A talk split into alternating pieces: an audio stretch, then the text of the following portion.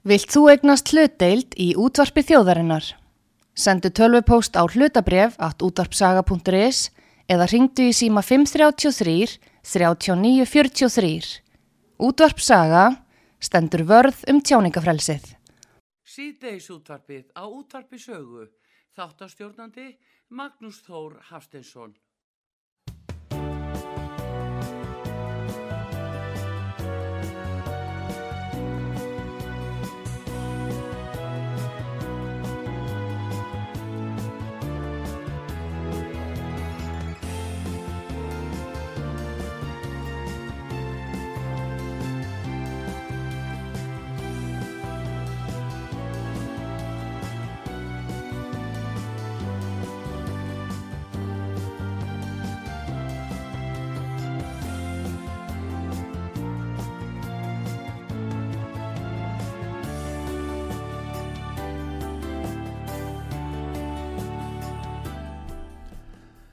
Góðan dag, ágætu hlustendur útvarp sögu. Ég heiti Magnús Þór Haftinsson og verð hér í síðdeis útvarpinu næsta klukkutíman.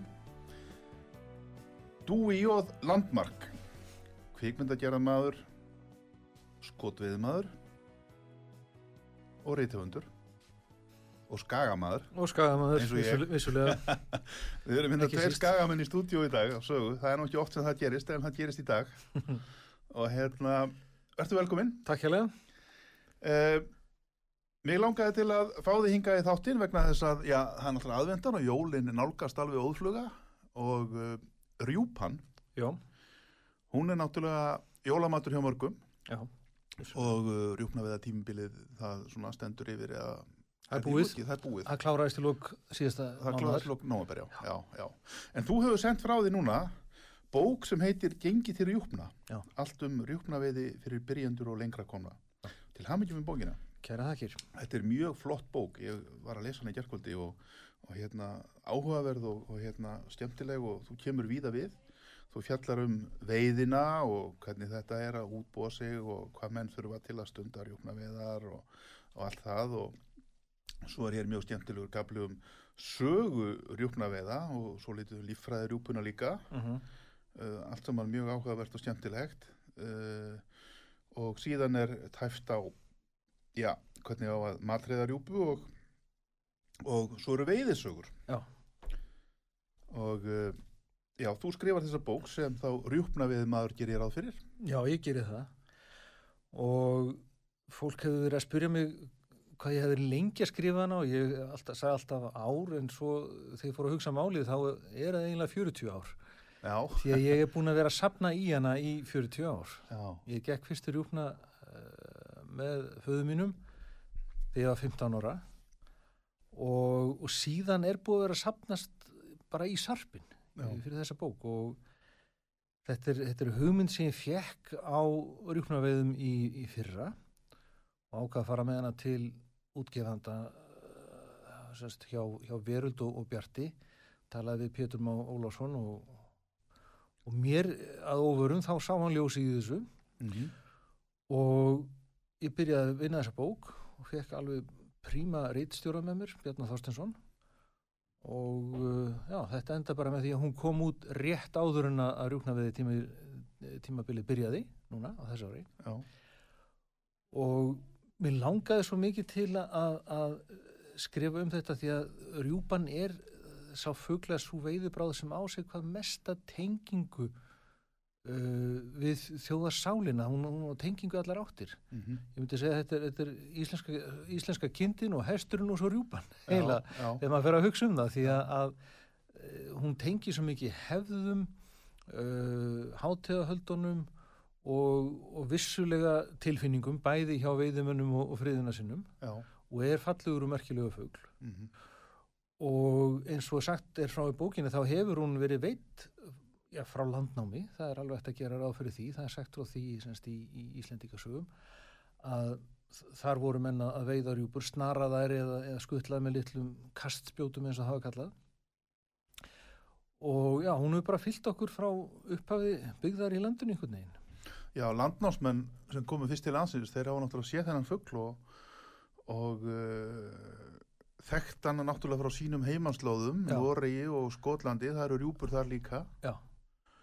og uh, þeir hafa náttúrulega litið á þetta sem já, tiltölulega auðveiðanlegan fugl Já, sem til hann, matauka. já, sem hann getur verið, en er það Já. alls ekki alltaf. Nei. Það er mjög misend, hvað rjúpan er mjög misstyggur fugl.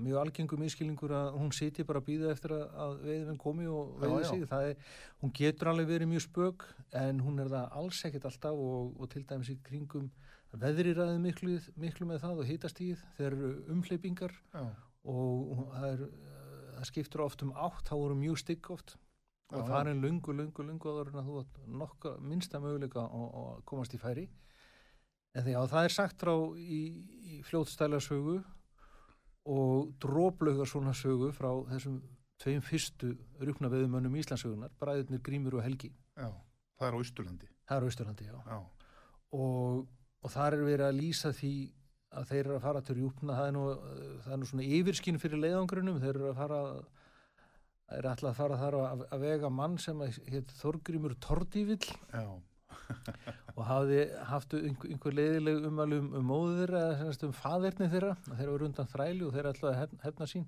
Þetta voru tveir strákar. Já, 10 og 12 voru eitthvað slíkt en, en, en, en hörku nagla greinlega en svo, það er svo merkjöld að sá sem skrifar þessa sögu, hann, hann þekki til rjúpna við hann hafði talað um það sem sagt að, að, að það er ekki líklegt að, að, að þú náir rjúpu, geta veitt rjúpu þar sem þú hefur verið að veiða áður daginn áður. Mhm.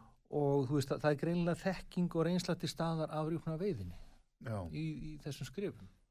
Þannig að þessi saga er sennilega þá skrifuð af rjúpna viðmanni Já, maður gerir ráð fyrir því. Já, og þetta eru fyrstu nafngreindu rjúpna veiðum en Íslandsögunar, það eru bræðurnir Helgi og Grímur. Já, og síðan e, náttúrulega var rjúpan eins kannski eins og bara allur eh, hvað maður segja allur matur sem hægt var að komast yfir veiða samankort að fiskur og fugl eða annað að, að hún var, hún var veit og nýtjuð og síðan e, byrjar þetta merkilega tímabil eftir að svona skotvotna eign hefur aukist mm. að og það, hvað það mest nálægt aldamótan 1900 þar, þar byrjar útflutningur á 19. öldinni og helst alveg fram að stríði semst að setna stríði já, já, og þarna fer saman merki, fara saman merkilegi hlutir. Það er annars vegar þarna er, eru stopnarnir stórir Já. ákaflega mjög stórir mikill vöxtur. Og það er vitað að þarna var mikill vöxtur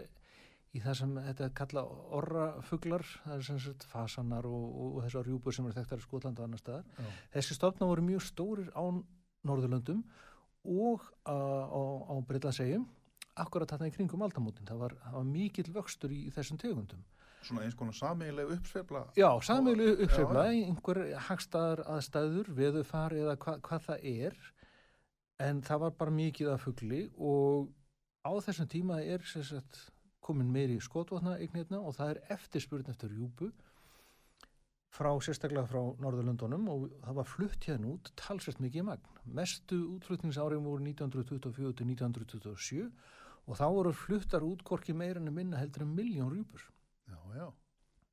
Og menn, menn, menn stunduðu þetta þá sem matfinu og, og, og seldu og áttuðu sér tekna og... Já, og það er kannski svona ein, enn einn tengingi sem er dálítið merkileg uh, að þetta svona hluta hagsögu landsins eiginlega því að um, bændarsýnir og, og bændur og, og vinnumenn þeir gengu til rjúpna og gerðu út á þetta þeir voru ekki að fá mikið fyrir hverja rjúpu það var ekki þannig, þannig gáttu kannski fengi fyrir hverja rjúpu sem að nam þriðjungi að verði skotsi eitthvað slíkt. En uh, þetta var peningur og hann var í hönd, hann var ekki, þetta var ekki lagt inn í kaufélagið. Eins og þú gast búið sem sagt bara alla þína æfi aldrei sér pening því þetta voru alltaf vöruskiptu í kaufélagið. Þarna var um peningaræða. Já, og þetta er kannski sambarlegt það þegar fólk var að vinna í síld og fekk peninga í fyrsta skipti. Já, þannig að og þeir sem voru dugleiri við þetta þeir gátu náð sér í, í tekjur. Og það var aldrei skotið á einarjúp í einu því að skotin voru svo dýr að menn reyndi alltaf að ná fleirum í einu skoti. Já, að smalaði maður saman og, og skjóta fleiri. Og síðan var þetta flutt í, í, í skip. Og á þessum árum þarna þegar var verið að flytja að meðaltali á þessum árum 250.000 rjúpur út. Já, sem dæmið það verið að veiða kannski 30.000 rjúpur eða hvað það er núna á hverju ári hérna. Já, um, og þetta voru, það var mikið fyrir þessu haft. Uh, já, Kristlegu Þorstinsson segir frá því í sínum endurminningum. Húsafelli. Þessar rjúkna ferði sem hann er að lýsa og það, mér, mér finnst þetta ævintýralega lýsingar. Það er það, er það. Þetta er merkild þú fyrir að spá í það sko, að hann, þeir eru upp í húsafelli svo fara þær í þessar rjúpnaferðir hann fyrir sína fyrstu ferð þegar hann er 17 ára. Já, og þá er farið gangandi af stað frá húsafelli niður á Skaga Akranes, já, niður á, á Akranes og þeir, þeir eru tvo dag á leiðinni já, teima hestana með sér og það voru á hestana voru settar um, semst þetta voru koffort, skinnklæð koffort segir hann og það voru 60 rjúpur í, í hverju kofforti. Já, og þeir fara, þetta voru að við minnir hann 6 hestburðir það voru, eða 7 hestburðir það voru 600 eitthvað rjúpur sem þeir fóru með, þeir labbaði tvo daga og svo lýsir hann því að þarna í einni ferðinni þá koma þær og þetta er þetta er november og náttúrulega stuttu dagurinn þeir koma niður á skaga og þá er blanka logn og túnsljós og þeir uh, grípa bara tækifærið og þeir fara vekja upp mannin sem átti bátinn þá þeir kölluðu þetta áraskip þetta bara verið þá áttæringar eða hvað það var já, já, fá bátinn lánaðan og svo er bara róið frá Akranes yfir til Reykjavíkur Já. í túnsljósinu í november til þess að koma rjúbónum í skip. Þetta er alveg mikil, mikil fyrirhöfn. Til að ná postskipinu sem var að Til fara til eða skipinu, já, já.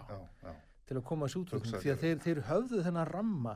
Þessi rammi sem á þetta staðar það er eftir að fugglinu orðin hvítur já, og áður en að síðustu sko jólaskipin og það er urða að vera hvítar. Mm, og þess vegna voru krakkastundum settir í það að, að plokka úr brúnufjæriðnar og blóðfjærir sáttu það að að Það er átt að vera skjanna já. já, sagan segir að húsmaðurnar í kaupmannöfn vildu hafa hvítar. Já, og þær voru þá veslaði rjúpur fyrir jólin og þaðan kemur þessi þessi þessi hefð, þessi íslenska hefð rjúpna hefð, hún var ekkit mikið til staðar. Það er stundu sagt að, að rjúpur hafi verið jólamatur fátakramannsins, það er ekkit endilega rétt. Það var nú bara þannig að, að, að rjúpur urði ekkit jólamatur fyrr en akkurat á þessum tíma. Þannig að við lærum það í raun og veru eins og svo margt annað í íslenskri matarhefð. við lærum Já, það og tökum já, það upp. Þetta er dönum. Já. Að við tökum það upp til dönum að rjúpur séu jólamatur. Já, þetta, þetta er eiginlega hluti sko af þjóðfélagsbreytingunum hérna. Hérna er að verða til svona borgarastjétt, Jú, jú. tiltölulega nýmynduð og, og það er að koma eldavillarinn á heimilinn. já, Fram að þessu hafði var svo mikið svoðið. Ég rætti dálítið við nönnu Röggvalda sem er nú manna fróðust og kanna um, um, um sem sagt matarsögu. Já. og hún tjáði með það sagt, oft, oft var þetta bara svoðið því það voru engar eldavilar, rjúpan var það elduð þannig. Það var bara sett og svoðið í súpu og svo bara borðuð með súpun og öllu gumsunu sem í henni var. Já, svo koma eldavilar og það er hjá þessu, þessari nýju borgarastjætt sem vill þá náttúrulega gera við, við sig og hátíðum og, og svona gera dálítið eins og fína fólki í útlandinu og þá fara að koma þessar uppskriftir. Og það er í bókinni fyrstu rjúknu uppskriftirna sem að byrtast og þannig er þessi, þessi hefð að koma til, til landsins, þetta er í kringum aldamótin. Já, þarna verður þessi jóla þessi, þessi, þessi hefð að hafa rjúpur og jólum, hún verður til þarna. Já.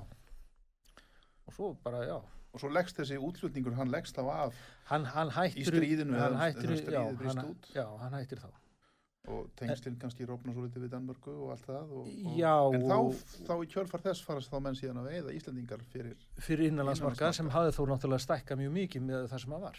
Já, hann var, orðið miklu, miklu starri vegna þess að náttúrulega hafði fjölg, fjölgaði þéttbíli og það vildu fleiri bara fá sína rjúpur og vanið því og, og um, þá fer að verða til svona þessi atvinnu veiðimennska fyrir innanlandsmarka já, rjúpan verður markaðsvara hér á Íslandi. Hún verður það og selt Já. að muna margir eftir því þegar var selt hérna bara í, í kjörbúðum og bara í kjötborðinu þá voru menn að selja rjúpur. Já, já, og uh, það er ekki, ekkert mjög langt síðan að það, það hætti.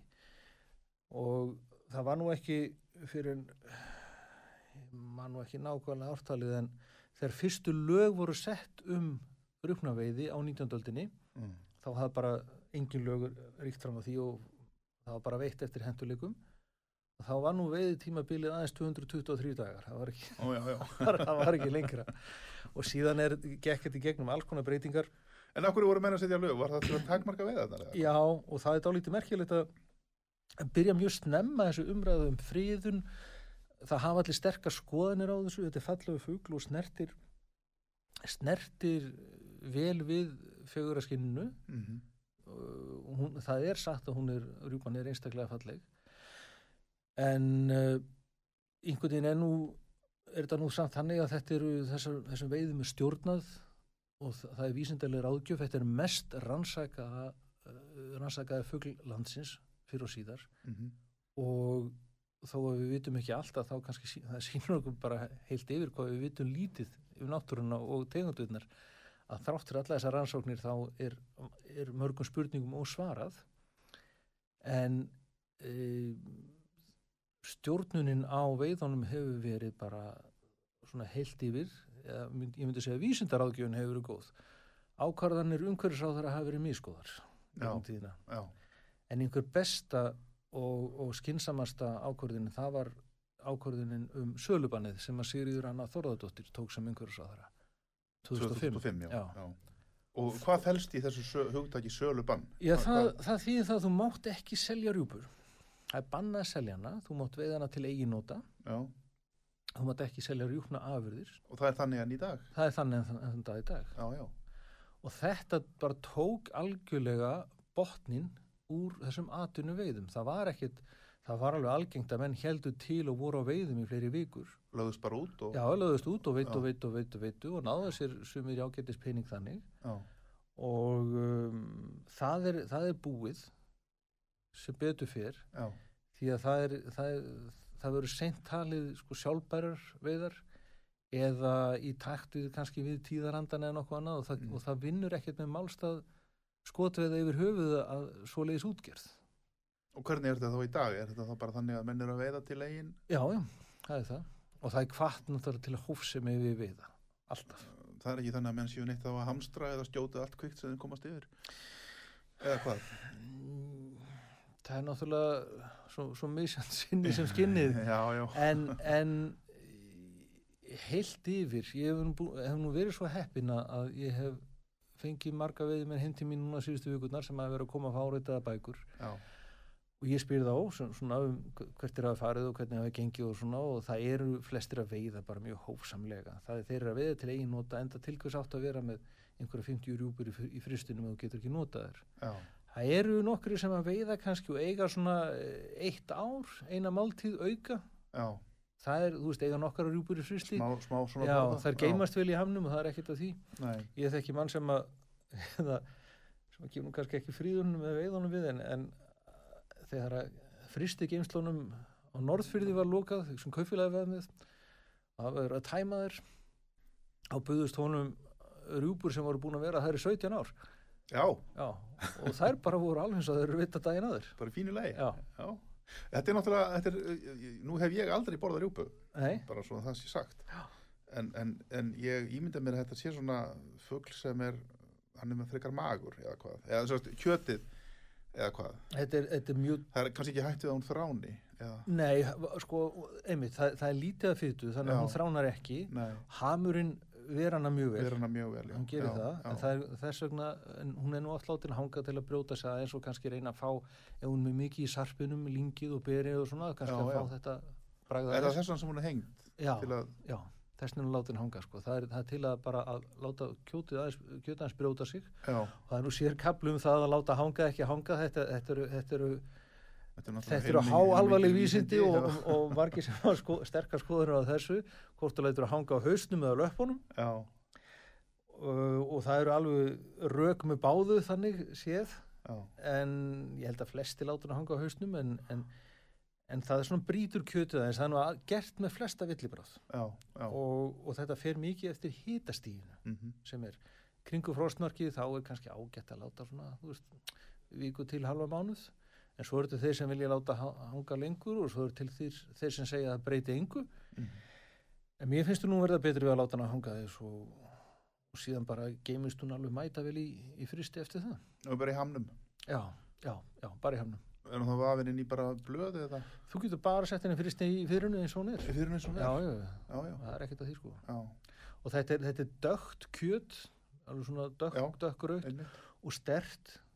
Ég hef stundu sagt að þegar þú ert að borða rjúpu þá ertu eiginlega að borða heiðina. já, Þú ert bara að fá, finnur þú bragðið já, á líkinu vámaður, já, þú, alveg, þú færð alveg bara alla heiðina sko. já, já, Já, þú færð það, þú færð allan gróðurinn og, og þú veist bara, það rifjast upp Þú- veiðitúrin já, og þú finnur bara vindin á andlitinu og þú veist, Já. og, og þú ert, þetta er bara, það er ofsalega, já, þetta er, þetta er virkilega bræðsterkur og, og svona dálítið, myndi ég segja svona, ekki flókið, bræð. það er það. já, Og lyktin þegar við erum eldana, það, hún er alveg hlutið af þessari symfóníu sem þetta er, Mm. að, elda rjúpu. Uh, sósan er afskaplega mikilvæg og það þarf að leggja sig svona fram við, fram við það, að gefa sér góðan tíma mm, njóta þess að, að, að búa hana til og hún eh, þe- þegar þú ert að byrja að elda fyrir jólin og, og þessi ilmur þú ert að byrja að steikja inniblin þetta hjartað og svona eh, ekki inniblin en, en svona innmatinn ert að steikja það á pönnu og, þe- og þessi ilmur hann leggur um húsið þá eru jólin sko já, já, akkurat þannig að þetta er svona já, þetta er, þetta er mjög mikilvægt fyrir þá sem stunda þetta, þá bæði veiðarnar og síðan matseldin og allt þetta og já, já, það er svo mikið að hefðum þessu tengt sko. kringum bráðuna og allt Já. það já, og þetta, þetta eru fjölskyldusögur oft. Margir, ég hafði nú marga sögur þarna í, í bókinni, ég fekk held ég 16 skotviði konur og menn til að skrifa, skrifa sögur og, og, mjög skemmtilega sumar og mjög ólíkar. Og þær eru uh, þetta tengist oft uh, því að, að fólk er að fara með, með feðrun sínu, með einhverjum ættingum og þetta er svona fjölskyldu hefðin þetta, og, og ég held að sé kannski út af þessu sem þetta það er margir sem tengja við rjúpna við út af þessu, þetta, þetta er hluti af jólahefðinni, það má segja sem svo að þú gengur til rjúpna, ert að byrja þá ertu kannski að byrja jólaundibúningin það er þegar Já. þú ferð að ná þér í jólamatinn. Já, já. Það má alveg útfæra það þannig. Þetta er svona upp, upptakturinn að jólunum. Þú talar einmitt nefnir hérna fjölskylduhæður og þú nýttist á það í byrjun að þú hefðir veitt þína fyrstu rjúpu með föður þínum. Já, já, og hérna það er einmitt mynda þér hér í bókinni með þessa fyrstu rjúpu jú, jú og þú ert í já, gúmistífulum og gallabuxum Já, já, já, alveg, alveg virkilega vel útbúin Já, já, já. Rópa peys og var þetta ekki kalla hérna, þetta svona grænar úlpur, Hermann úlpur var Já, þú ert í svolítið jakka, já, já. Þetta er svona mjög vinsandi kringum, þetta er 1980, já, Þetta, er, þetta var einmitt í tísku þá, svona jakkar. og, og gallaböksur Fengust í vinnufattabúðinni, heimann eftir þessu. Jú, þetta er akkurat. Já, já, Og, og, og Nokia stífil líklegast eða Viking. Ég þú voru ekki að segja hvort það, hvort það var. Já, þetta var sem sagt, þarna er ég 15 ára og, og með innleipu eldgamla. Já, og pappi fer, fer, semst, ég fer með honum og mér að óvörum þá sem sagt býður hann mér að skjóta þarna rjúpu sem við sjáum. Og spenningurum var náttúrulega a- afskaplega mikill ég hafði bara, bara lítið sem ekkert skotið og, og ég man þetta bara eins og þetta hefði gerst núna fyrir háti já. Já. Hvar var þetta? Nákvæmlega? upp á Grafadal Grafadal, já. Grafadal sem gengur inn, inn frá, sagt, frá Svína, Svínadal. Svínadalnum Já, milli, milli, já, Kvalfærðar og, og Skoradals. já, það er land sem Akranis kaupstæður á Já, þangað fóru við Já. og það voru náttúrulega svo fáir að fara á þessum tíma þetta voru bara einhverju svona örfáir servitringar það er náttúrulega Já. miklu meiri ásóknir núna heldur en var þá nú er það? já, það voru, þetta voru ekkert margir að fara. Það var líka, það voru svo miklu fleiri dagar Já, það dreifðist yfir svo miklu lengri tíma. Það, þú veitt já. sko frá 15. oktober já, til 21. desember já, 68 eða 69 dagar. Já, já, og þá fó, fóstu bara svona þegar að henda því. Það var meira þannig en núna e- er opnun og það er bara þessi fáu dagar það þýðir það að það er allir að veiða á sama tíma. Já, og það sína allar rannsóknir og kannanir sem hafa verið gerðar að þeir sem er að fara veiði konur og menn, þú, þú ert að fara þetta þrjá daga að jafna því þá, er, þá ertu búin á jólamatinn og þó getur farið fleiri daga þá er ekkert verið að fara, fara það bara jafnast út á, á fleiri daga. Já, þannig að þegar maður horfir á þetta dálítið með skynsemisklirugunum að því að það er búið að leggja nýður atvinnumennskuna í kringum rjúknaviði og bara henni var sjálf hætt að þá eru fleiri veiðidagar skinsamari ráðstöfun bæði út af öryggi mm og svo bara minni, minni ágang þú veist það er svona minni segja, ágangur á rjúpunni sjálfri þessa daga. Já.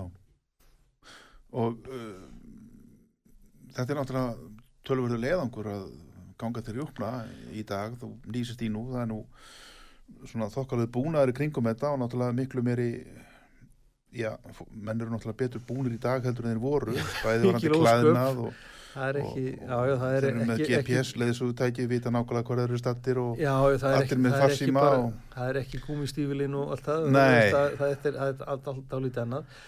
Og til allrar, til allrar hamingju þá er það því að þetta er svo miklu e, það er svo miklu minna að það sé verið að leita að já, rjúpanskýttur Það eru, og það að dýnast og það er nú eitt sem ég kem inn á í bókinni. Já, þessi, það er alltaf verið að tala um þessar leitir að rjúpnarskiptum Já.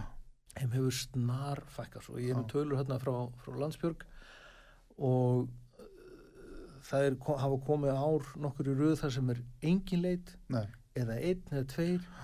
Og ef þú hugsaður út í það að þetta eru 5-6 þúsund mann sem að ganga til rjúpna já, ári hverju það er ekki há tala. Nei. Útiháttíð af sama toga ég hugsa að út, útköllin séu talsveld fleiri það sem Já. 56.000 manns það sem er jafn, sko, margir samankomnir einhverju. Og þetta er náttúrulega vegna þess að það er búið að reka mikinn áróður bara fyrir öryggi bæði af skotvís af, af landsbjörg og bara öllum sem, sem að þessu koma og þessi tæki, GPS-tækin og símatnir hafa gert þetta svo miklu öryggara það er, það er aðgengilegir og betri viðurspár mm og, og það er bara yfir höfuð eru flesti sem að hafa öryggið að leiðaljósi til allar hamingju. En það er engin átt þú getur lent í óöppu með allt, það er ekki vandamálið. En, en þetta, þetta hefur þetta hefur snarbrist En þetta er, getur verið svolítið svona, já, hvað ég var að segja, ströggl, það er verið að fara á fjöll. Já, já, já, og þetta er náttúrulega vetur. Þetta er vetrar útivist Þetta er vetrar Þetta er útivist. vetrar útivist og, og þú ert að fara á slóðir sem að þú ferð kannski ekkit eh, ef þú ert í göngu Já, og þá er kannski verið að fara einhverja fjallsengi eða þú veist, slóða eitthvað svona. Þarna ert að fara á allt aðra slóði þú ert að fara á svæðið þar sem að fuglinn heldur sig og þá ert að labbandi á utan í fjallslíðum, þú ert að labbandi í urðum og þú ert að labbandi, þú ert að skoða svona meðfram með, uh, hvað segir, þú veist, onni, bolla og lautir og, og gíl þar sem þú heldur hún geti hali, uh, haldið sig. Já, ert að lesa landslægið, hækkar því og lækkar. Þetta, hún er oft í ákveðni, ákveðni hæð. Já, já, og það er þannig það sem skemmtilega við rúkna viðina, það er alls konar svona þumalputtur reglur sem allar hafa síðan undatekningar mhm, en hún, oft er hún í svona ákveðni hæð. Þú leitar kannski hvað hún er. Mann í opnuna þá var hún lærra núna heldur en það sem að við höfum oft verið áður, hún var svona í 300 metrum á að giska. Núna, já, já, já, og oft verið herra í 5-600 já, við vorum að finna hann í 300 og þú, þú ert að labba í, í, á landsvæði sem þú væri bara ekkert að fara annars. Þú, þú ert bara á svæðum og stuðum sem að þú, þú veist, í venjulegri gönguferð. Þú ert ekkert að heimsækja. Já, já, og þess vegna er jarð bara vegurinn oft erfiður yfirborðið þetta er bara og þungt færi og alls konar þannig að það er mjög mikilvægt að vera vel útbúin og já, bara vera veist, Það oft að hafa- að hafa mikið fyrir þessu. honest. Já, það, það er mikið haf- haft fyrir þessu anstæðingar rúkna við að lýsa þín og fjálglega oft að það sé verið að fara og fjölla á fjórhjólu með einhverja ofubissur og þetta sé ekkert mál og já, og svona lítil, lítil hetjudáð en og ég ætla ekki að halda þið fram að rjúkna við að sé einhver hetjudáð en það er mikið fyrir svo haft oft. Já, fyrstu tvo dagana núna í opnunni ég gekk 15 kilometra já, sikko daginn, já, upp og niður, upp og niður, upp og niður, upp og niður og í, þetta voru 10-12 metrar á sekundu, þetta var leiðilegt viður í opnunni Já. Og ég man að þegar ég var að nálgast bíli mér fannst, þó að vera ekki nema einhverjir 400 metrar, mér fannst alveg óbærilega langt, ég var alveg, Alveg búinn. gjörsanlega búinn gjörsanlega búinn sko. einmitt. Já, Dúi Landmark, rithöfundur, höfundur bókarinnar gengi til Júpna, hann er gestur okkar hér í sítir útvarpinu og útvarpi sögu, ég heiti Magnús Þór Haftinsson, við ætlum að taka smá auglýsingal hér núna, en við komum aftur á eftir.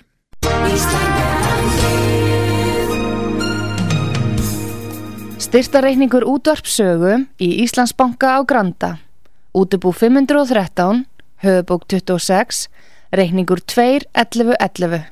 Nánari upplýsingar á útvarpsaga.is. Takk fyrir stöðningin.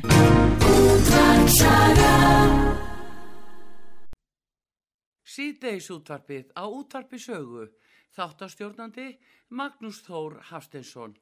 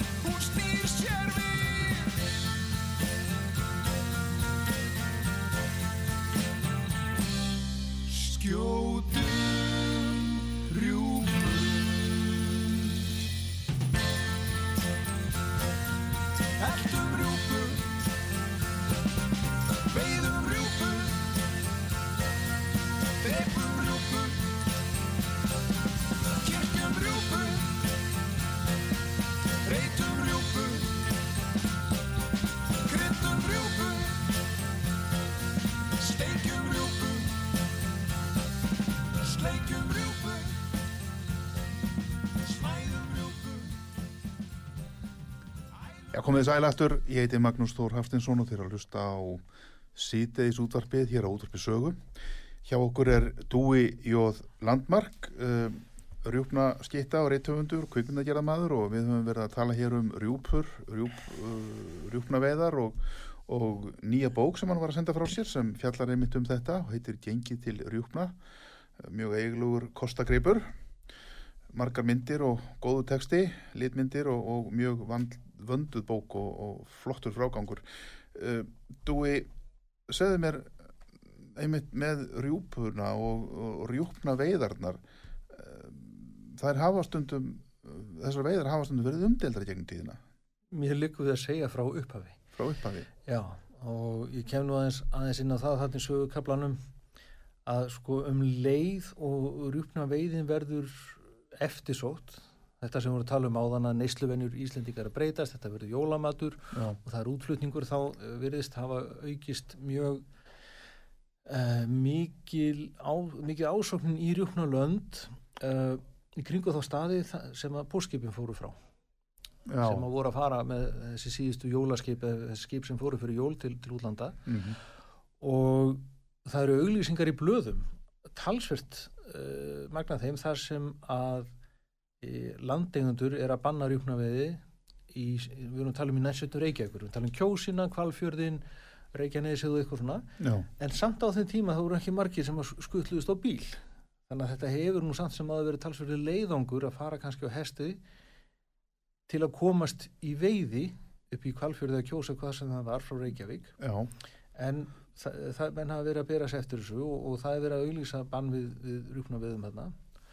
Og annar, annar vinkil kannski tengdu því að því við vorum að tala um áðan að, að, að eh, sko öryggið hefur er orðið svo mikið, mikið, bytra Mm. það er talsvert af fréttum frá þessum tíma af slísum og döðsföllum tengdum rúknaviðum á þessum tíma. Já, útbúnaran var lélugur, það var engin, engin veðurspá sem menn hafðu eh, kannski óharnaðir unglingar sem var sendir og skotvotnin eins og þau voru, ef þau byluðu þá var gert við þau heima, þau voru öllum þau voru ekkit alltaf sérstaklega vönduð. Það var þó nokkuð Og- um og- voðaskot já, þó nokkur sko. og það bara, þetta var þetta var ekkit mjög gæfil útgerð alltaf Nei, e- eins og rjúkna veginn var en það var peningur í þessu og þess vegna var, var sótt í þetta. En þetta hefur verið umdelt frá upphafi og það er út af því eh, vil ég meina að rjúpan snertir vel við feguraskinninu, hún er afskaplega falleg, hvít í, í, snjónum og, og, og uh, það er nú kannski dálítið merkilegt eins og ég var að tala um áðan að þetta er einhver mest rannsakaði fugl já, uh, á Íslandi. Engin tegund, engin fuglategund hefur verið rannsökuð játn mikið. Og veiðarnar, hún er ekki útrýmingar hættu veiðunum er stjórnað.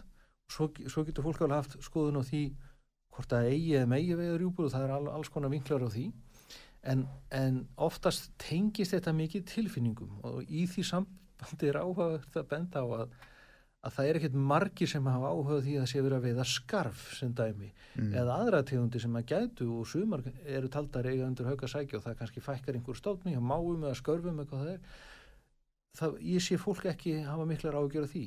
Nei, þannig að oft eru þessu skoðanir þær miðast eini útgangspunkturinn er feguraskinnið já, og við verðum að taka meira inn í þetta heldur en það. Við verðum að taka líffræðinu, við verðum að taka skinsemina, við verðum bara að gera þetta.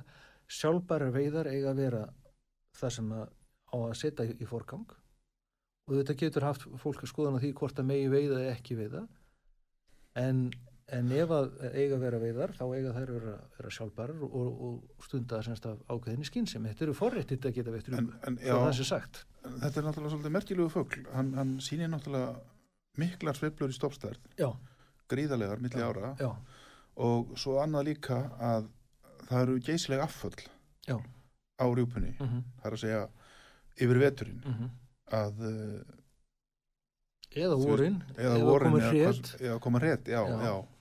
og, og jafnvel uh, heimildir um það að það hefur skollið á einhvers konar svona sjúkdóma fár það sem verður bara stór fellir í stofninum já, það, völdum sníkjudýra eða Já, einhvers það, annars. þegar þessi, þessi, þessi frægu uppsöfla var hann í kringum aldamótin sem að, það er sagt frá því að það voru menn sem voru í eftirleitum uh, á, á kindum og þeir komu, það voru dalir og hlýðar fullar af döðri rjúpu, það var mjög mikið flutt út já, og þetta passar alveg útflutningstölunar því að þetta ár þá voru fluttar út 26 eða 7000 rjúpur. Árið og eftir þá var útflutningurinn komin í 7000 þannig að það gerist eitthvað í lífríkinu hvort að það er bara einhver nýsiðli eða sýking eða hvað það er þetta er það er eins vita að nýslar sækja á þessum tegund sko. eða þetta er svolítið svona eins og, eins og nagdýrastofn mís eða eitthvað svoleiðis Já, að, þetta- að, já, að ef stofnin verður á stóra þá, er, þá grípur náttúrunni í tauman og fækkar stofninu Þa, það virðist verið eitthvað slíkt í gangi þarna Kemur upp Það- einhver það- það- Eða eitthvað. hún rjúpan verpir mörgum eggjum, það er ekkert óalgengt þannig kannski 12, 12 unga það er mikil viðkoma já, og svo er, eru mikil, mikil affull já, og svo náttúrulega spilar inn í, inn í stoppstærðina eða það, má segja sko stoppstærð rjúpunar hefur áhrif á stoppstærð fólkans hann fylgir henni í sveiflu alveg upp og niður Já. því að hann er gjörsanlega háður henni hún Hann er hans rjúpunni. aðal fæð, Já. fæða Já.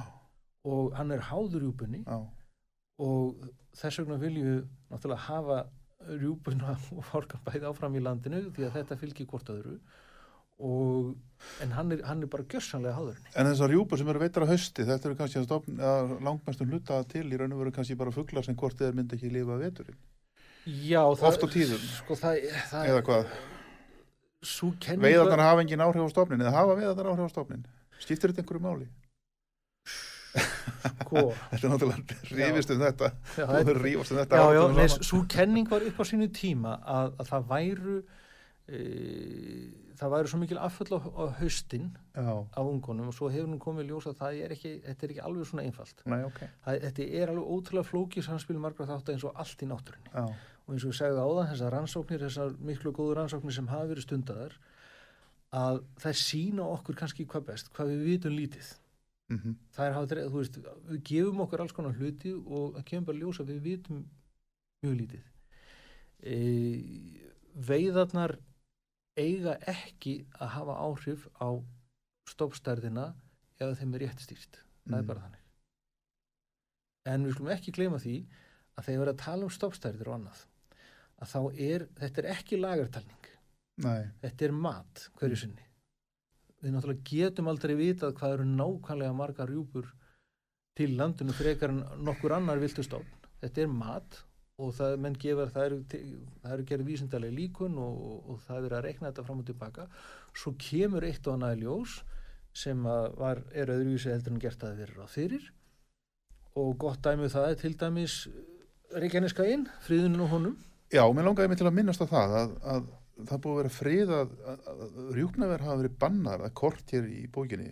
Ég vissi þetta ekki, ég svona kváði við svolítið þegar ég var að lesa þetta að hérna Reykjaneskain er búin að vera friðaður alveg frá 2002 í 20 ár. Já, og þetta er sérst allur Reykjaneskain og alveg austur fyrir fjall, austur fyrir hveragerði og meðfram öllu vestanverðu þingvallavatni og svo áfram upp í gegnum kjósina og alveg upp að kvalfyrði já, og þessi mikla friðun í þennan langa tíma stendur hér í bókinni. Engin mælanleg aukning eða vöxtur hefur verið þar umfram aðra staði í þessi rúmu 20 ár. Já. þannig að þessi friðun hefur ekki haft neitt að segja. Ætti þetta þá ekki að segja menn það að veiðarna skipta einhver máli?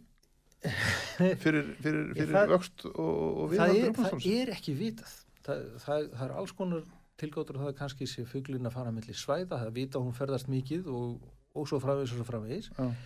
talningarnar á þessum svæðum hafa ekki sínt neina aukningu framhefur annað en þessi friðun er sett á sínum tíma út af rannsókn sem átti sér stað í Úlfarsfellinu. Já, á þeim tíma var veitt í Úlfarsfellinu. Já, og síðan átti sér stað líka samlega rannsókn í Eyjafyrðinu, Mhm. í Hrísey. Mhm, og síðan gerist það að út af bara aukinni sem sagt að, að bara auknum trjávexti reynd og klárt í Hrísey já, þá breytir rjúpan sem að hafði alltaf farið upp á land á haustin, já, já, hún breyti sínu högunarminstri og fór bara að hafa vetusetu inni. Já, og þar með að því það átt að mæla svæði austan og vestamegin annað að friðað og hitt ekki friðað versus og, og semst hvernig þetta kemur út í sambandi við, við veiðina þá datt álítið svona duttu forsendurnar út fyrir þessar rannsókn og henni var hætt. Þetta voru radiomertarjúpur sem voru í, í, í, í úlafsellinu já. Og henni var hætt en friðunin er búin að vera ennþá og, í 20 ár. Rannsókninni var hætt fyrir 20 árum. Já, en samt í friðun friðunin ennþá. Með þetta er Og- svo margt annað, eins og og- skatta á annað, þetta er einu sem sett á og það er ómöld að losna við aftur. það er, það er eins og einhver sagði á mjög góður íslensku það er auðvelt að banna en, en mjög erfitt að afbanna. Það er, það, það er mjög erfitt að einhvern veginn að breyta þessu. Og nú er ég ekki er ég síst að, að tala fyrir því að veiðar verði leiðar í sömu mynd og það voru þessum tíma því að þetta eru allt aðrar aðstæður á svæðinu heldur en það var. Byggð hefur aukist, útivist hefur aukist. Hins vegar er ekkert og ég myndi til þess aldrei frá það að það veri rjúkna veðar var leiðar júlarsvellinu það var ekki, var ekki góða típu okkur. Já, en ég minna þetta er gríðlegt flæmi, En er nú ekki já, smáraðir. það eru þarna svæði það, þetta má alveg endur skoða en þetta er bara spurningum pólitískan vilja. Já, það sem þetta myndi gera ef þetta er leift þetta myndi þýða að það myndi kannski aðeins þeir sem er búið á höfuborgarsvæðinu vilja bara skreppa í dag. Já, þeir getur farið á þessi svæði.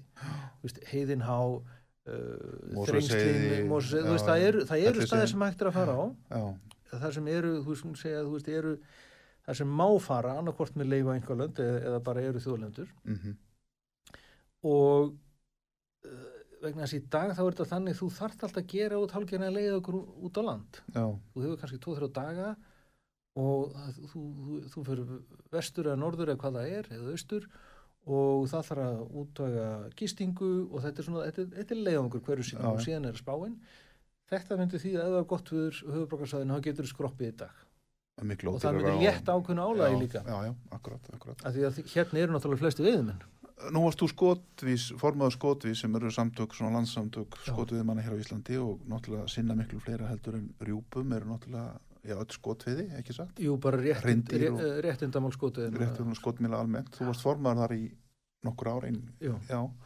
Uh, Voru þið að reyna að fá þessu aflétt, þessu banni til dæmis? Eða fá Nei, þessu við, breytt? við, við settum þetta ekki við, sko, það, það er, ég veit að skotu sér að vinna þessu máli. Já, vegna þetta er náttúrulega hálf ankannalegt þegar maður fer að skoða þetta að, að, rannsókn sem að var hætt fyrir 20 árum skuli ennþá vera valdur þess að, að stórt svæði sé fríðað án nokkura útskýringa. Já, og það er engin breyting að þessi stað þannig að það er einhvern veginn sjálfgefið að þetta sé endur skoðað en um, við vorum að, að vinna þá það sem var stærsta máli hjá okkur það voru þjóðlendurnar uh, það voru sveitafélög í landinu sem voru farin að auglýsa uh, þau voru farin að selja veiðileifi já, á svæðun sem voru sannanlega þjóðlendur. Já, við vorum til dæmis að, að vinna í því. Við vorum að koma í gegn hlutum eins og það mætti nota hljóðdempara eða hljóðdeifi já, við, við riffilveiðar á, á, sem er bara hálfgjört vinnuvendamál fyrir, fyrir hreindýra leðsögumunina um, það voru svona mál sem við vorum að vinna í. Já. þau, eru svo mörg Má veiða rjúpur í þjóðlendum? uh, já, Það er enginn sem, nei. það er, það er bara almenningur. já, það er einmitt að, En, en rjúknaveðimenn verða hins vegar að við verða eignar á landi sem er að yngar. sjálfsögðu, að sjálfsögðu, að sjálfsögðu. Ef þú ferð að eignarland þá verður þú með leifi í landeiganda. Það er bara þannig. Já, já, en þú mátt veiða sem íslensku ríkisborgari máttu veiða á þjóðlöndum mhm, og, og þú mátt uh, sagt, fara þangað á náttúrulega því getur nú sért með veiði kort og sért með, að með, með byssuleifi Já, já, já, og réttum veiði tíma. Akkurat. það er svona, við skulum hafa það alveg með. Skulum hafa það með. Já, já, og það, er- og það, er, það er lendur eru feikna stóra þessar þjóðlendur. Já, það er Í- gríðarlega flæmi. í dag er ekkert til sem að heit þetta, hugtak sem okkur er tamt að nota og er nú fallegt almenningur lögfræðilega er bara til annarkort engalönd eða þjóðlönd. En þjóðgarðanir, Já, má fara á rjúknaskýttir í Snæfellsnes þjóðgarði til dæmis? nei, það má ekki. Það má ekki? það má ekki, það má ekki sko. og það er nú kannski út af því sem að, svona reynslan af vatnaugulstjóðgarði hefur ekkert sérstaklega jákvæð fyrir skótaðumenn Nei, það hafa verið frekar svona skotveðar Ós, eru bannar. óskiljanlegar friðanir þar í gangi á þess að við f- förum út í Eru, smáatriðin eru skotveðar ekki bannaðar í hvað? Nei, það þarf ekkert að vera. Þjóðgarður þarf ekkert að þýða sér bannað að veiða. Þa, það er til margar, margar eh, sko, flokkunar tegundir þjóðgarðum Já, og fyrir mér persónlega þá getur það alveg fyrir saman, farið saman eitthvað sé þjóðgarður mm, og það sé veittar. Það eru mjög mörg dæmi um það viða um heim. Já. Tökum það eins svona rétt í restina því ég sé að tíminn uh, okkar er nú bráðum verið þróttum. Ég sagði hér í kynningu uppálega að þú væri líka kvikmyndagerðamaður. Já, Uh, segðu okkur aðeins frá því, hvað hefur verið að gera í tengslum við það? Já, ég upp úr uh, 2000 að þá tók ég að mér að gera tvær myndir um skotveður á Íslandi fyrir franska sjónvastöð Mm og gerði tvær myndir um, um þar var verið að veiða rjúbu og skarf og önd og gæs og, og ég, ég man ekki hvað held ég bara allt sem að má veiða á Íslandi hreindýr og, og sartfugl og Já, já, um, og það var uh, það lukkaðist, lukkaðist það vel að þeir vildu fá mig til að gera semst, fleiri myndi fyrir sig og ég fór að vinna fyrir þá og vann bara við þetta í 12 ár. Mm. að búa til stangveið og skotveið myndir. Þetta er sjónvastöð og, og það er sjónvastöðar sem voru sérhæðari í þessu útivist veiði og ferðalögum Já, og ég var að vinna slíkt efni að stæðstum hluta í 12 ár út um allan heim fyrir já, það já. fór þá mikið til Afríku og Miðasíu og eiginlega bara út um allan heim í, í, í þeim erindagjörðum mm Mhm. stanguðu og skotuðu myndir já. Og hefur fyrst og reynst verið að gera svoleiðismyndir eða? Já, á þessum tíma, þessum tíma. Ég Já. hætti nú þessu fyrir ég hætti þessu 2012 minni mig, það er síðasta myndin sem ég gerði í Mongolíu, sem var Mm. ferðamynd fyrir þá Já, já, og síðan hef ég verið að vinna þetta heima síðan já, já. Í kveimunda gerð. uh, leiðsögn, ég var mikið í Já, leiðsögn já. og það, ljósmyndaferðir, ég var að gæta þær mikið, Já, já. ég lærði ljósmyndari og, uh, og svona bara al, almennu ferðum en síðast árið hefur ég verið að vinna hjá þeirri ágættu stóttnum landgræðslunni sem verkefnastjóri miðlunar sem, er bara skrif og almannatengslu og, og framleysla á myndefni og svo framvegis akkurat. Já, já, já. Þannig að það er, þú er svona. Þetta er allt saman mjög áhugavert. En um, þú í Jóð Landmark, klukkutími liðin. Það var fljótt að líða. hérna, Þú sagði mig áður við byrjuðum á þættinum að þú getur talað um þetta alveg eins og foss og þú hefur alveg staðið við það.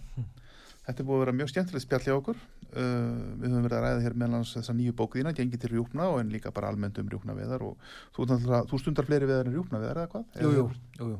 Stangveði og Já, já, stanguði maður og reyndir, reyndir, önd önd, já. vera úti, það er allt í málið Það er alltaf málið. Já, Í þessari góðu og fallegu náttúru sem við eigum hér á Íslandi. Já. Já, einmitt. Ég heiti Magnús Þór Hafsteinsson og er að hlusta, eða hafið verið að hlusta á síðdeis útvarpi hér á útvarpi sögu. Við látum þetta gott heita í dag. Takk fyrir að hlusta. Verið þið sæl.